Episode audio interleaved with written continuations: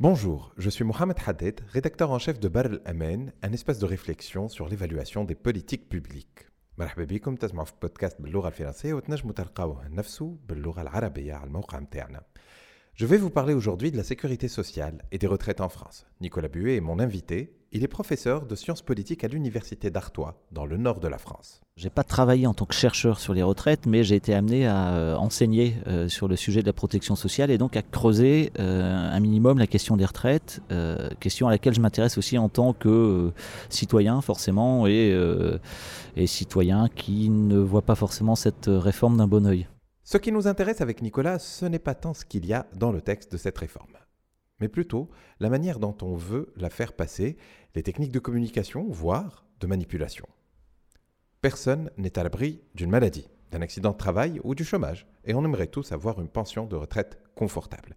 Mais il y a deux manières de gérer le risque. Soit c'est le groupe qui se le répartit, soit c'est l'individu qui compte sur lui-même. Donc, la répartition par opposition à la capitalisation, et l'un n'excluant pas l'autre totalement.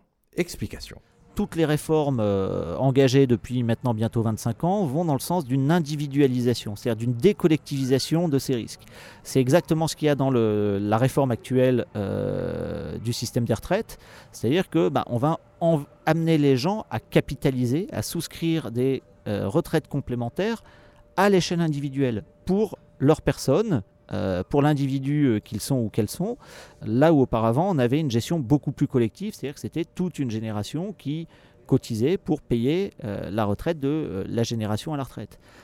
c'était un système entièrement collectif ou quasiment. Là, on va vers une plus grande individualisation, comme dans la plupart des réformes de la sécurité sociale, en amenant les individus à souscrire des complémentaires individuels.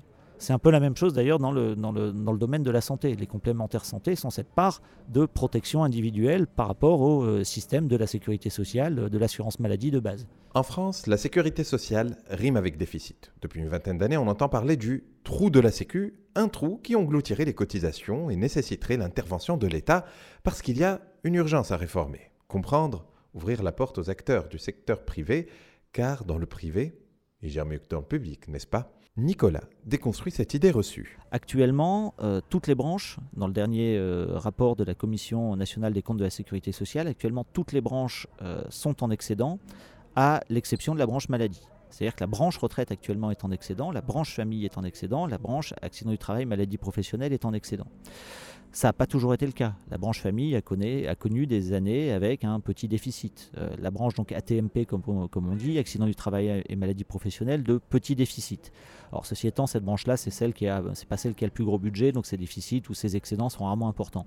La branche maladie est structurellement en déficit depuis très très longtemps et la branche retraite était en excédent à la fin des années 90 encore, euh, l'est depuis euh, quelques années, depuis euh, 4 ans je crois à peu près, euh, mais a connu une période de déficit annuel d'une quinzaine d'années, grosso modo, entre, entre ces deux dates. Et donc ça c'est la structure globale du budget de la sécurité sociale, ce qui ne veut pas dire que ça va rester toujours en l'état la branche retraite, selon euh, le Conseil d'orientation des retraites, devrait connaître un déficit dans les prochaines années en raison de toute une série de facteurs. Euh, l'évolution démographique qu'on met souvent euh, en avant, mais ce n'est pas, le, seul facteur. Ça repose aussi sur des hypothèses de croissance, donc aussi des hypothèses de taux d'emploi, puisque bah, plus il y a de gens qui travaillent, plus il y a de rentrées d'argent dans la sécurité sociale. Donc si le chômage augmente, mécaniquement, ben, les cotisations seront plus faibles, donc il y aura moins de rentrée d'argent, donc ça risque d'orienter au déficit. Si par contre, il y a plus d'emplois, il y a moins de chômage, euh, mécaniquement, sans rien changer, euh, il y aura plus de rentrée d'argent, donc il y aura moins de euh, déficit. Donc ça repose sur des hypothèses, sur des paris, on n'en est pas certain, mais la branche retraite devrait connaître des déficits qui, euh, en croire Alternative économique, donc un journal, euh, un, hebdomadaire économique euh, français, je reprends leur expression, sont de l'ordre de l'épaisseur du trait sur une courbe, c'est-à-dire qu'ils ne vont pas être faramineux, mais il devrait y avoir un léger déficit d'ici à 2030 dans la branche retraite qui, pour le moment, se porte bien. Mais alors, pourquoi l'État est si attentif aux équilibres financiers de la Sécu? Et pourquoi il a peur de ces déficits? Donc on a un budget de la sécurité sociale d'un côté et un budget de l'État de l'autre. Il n'y a pas directement de lien entre les deux budgets, théoriquement. Ceci étant, quand on calcule la dette de l'État, français euh, à l'international, on inclut aussi euh, la dette des collectivités territoriales et la dette de la sécurité sociale. Ce n'est pas uniquement le budget de la machine étatique stricto sensu qui euh, définit le, déficit ou l'excédent d'ailleurs, hein, ça pourrait être un excédent, ou la dette de, ou le solde de, des finances de la France. Pour un gouvernement libéral dont l'objectif est de passer absolument sous la barre des 3% de déficit, un objectif européen, le déficit de la sécurité sociale aurait pu être un levier sur lequel il aurait pu jouer. Toutefois, et on l'a vu, la sécurité sociale n'est pas vraiment au bout du trou. Mais alors, comment faire passer une réforme qui est censée répondre à un problème qui n'est pas encore advenu? Eh bien, il suffit d'inventer le problème et le lexique si cher à la France d'abolition des privilèges est là pour aider l'exécutif. Et ces privilèges s'appellent cette fois-ci les régimes spéciaux, par opposition au régime général. Les régimes spéciaux, c'est ce qui permet à un militaire d'être à la retraite à 43 ans, ou aux danseurs de l'opéra de partir à 40 ans, contre 62 ans pour le régime général.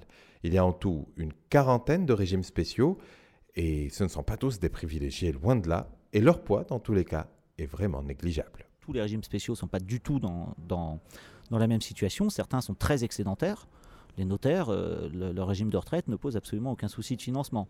D'autres sont en effet légèrement déficitaires. l'avantage pour le gouvernement, ou ce qui ressemble en tout cas à une stratégie, c'est le fait que euh, certains peuvent paraître, là aussi sur la base d'un certain nombre d'inexactitudes parfois, mais peuvent paraître privilégiés entre guillemets, et du coup euh, pointer des privilégiés pour dire c'est un scandale, il faut mettre tout le monde à égalité, c'est une manière d'essayer d'enrôler tout le monde pour dire bah oui il faut tout réformer pour éviter qu'il y ait ces situations de privilèges.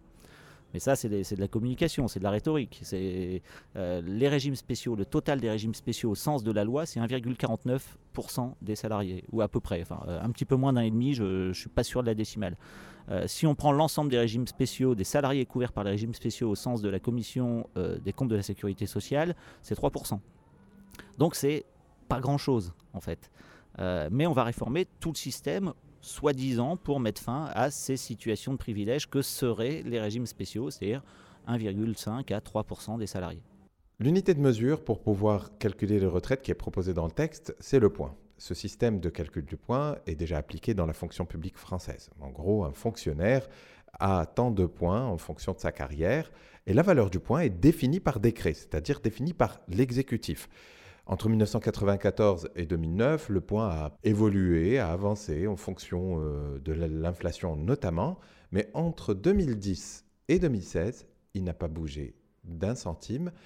Le système actuel fait qu'un salarié du secteur privé qui a travaillé par exemple 30 ans, ou qui a travaillé 40 ans, ou même 45 ans, ou 20 ans, peu importe, sa retraite va être calculée sur ses 25 meilleures années. Euh, c'est un pourcentage, euh, le niveau de retraite qu'il va toucher est un pourcentage du salaire qu'il avait sur ses 25 meilleures années. Avec le système par points, on ne calcule plus sur les 25 meilleures années, on, calcule sur l'ensemble de euh, la vie professionnelle, l'ensemble de la vie active, sachant que dans la définition de la vie active, comme dans la définition de la population active, il y a par exemple les, les périodes de chômage.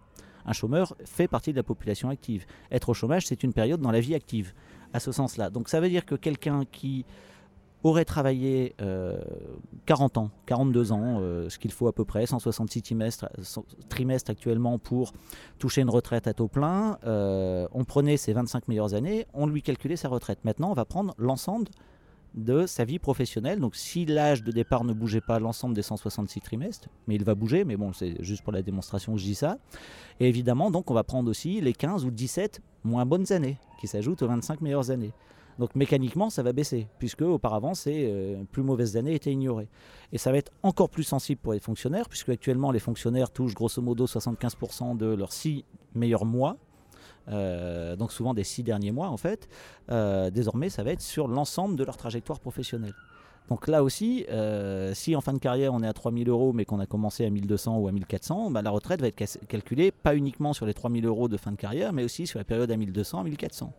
Et dans les trajectoires un petit peu plus heurtées, les gens qui ont connu des périodes de chômage, euh, par exemple, ou de maladies longues sans euh, versement de, de, compensation, ou avec une baisse de salaire, ou avec des allocations, eh ben, dans ces moments-là, on n'aura quasiment plus de... Ce sera pris en compte pour le calcul de la retraite, mais ça n'ouvrira quasiment pas à des droits, puisqu'on ne, on ne pourra pas acheter de points, enfin, on n'aura pas cotisé assez pour avoir des points à cette période-là. Donc tout le monde va y perdre, en fait. Absolument tout le monde va y perdre dans ce système-là à quelques exceptions près. Euh, par exemple, il y a fort à parier que les agriculteurs y gagnent un petit peu, parce qu'actuellement, ils ont des niveaux de retraite très très bas, ils ont un régime aussi particulier, euh, le régime des salariés agricoles, qui est encore différent du régime général, différent du régime des fonctionnaires, etc., euh, mais qui leur est très peu favorable et qui font qu'ils gagnent très très peu. Donc, ils ont un niveau de retraite moyen, je crois, de 700-800 euros dans, dans ces eaux-là, enfin à vérifier, mais et là, ils devraient passer une sorte de minimum annoncé en tout cas par le gouvernement, aux alentours de 1000 euros. Mais à quelques exceptions près, la plupart, euh, la quasi-totalité des salariés en fait va y perdre. Dernier élément pour finir, en Tunisie, c'est l'âge de départ légal à la retraite qui a augmenté dans le secteur public, passant de 60 à 62 ans, et ce depuis début 2020. Les cotisations ont aussi augmenté. Quant au privé, l'âge de départ est resté le même, 65 ans. Le système en soi, basé sur la répartition, n'a pas encore changé, mais cela ne saurait tarder. Merci d'avoir suivi ce podcast produit par Barrel Amen. D'autres suivront. Vos réactions sont les bienvenues. Vous pouvez interagir avec nous sur parallelamen.tn.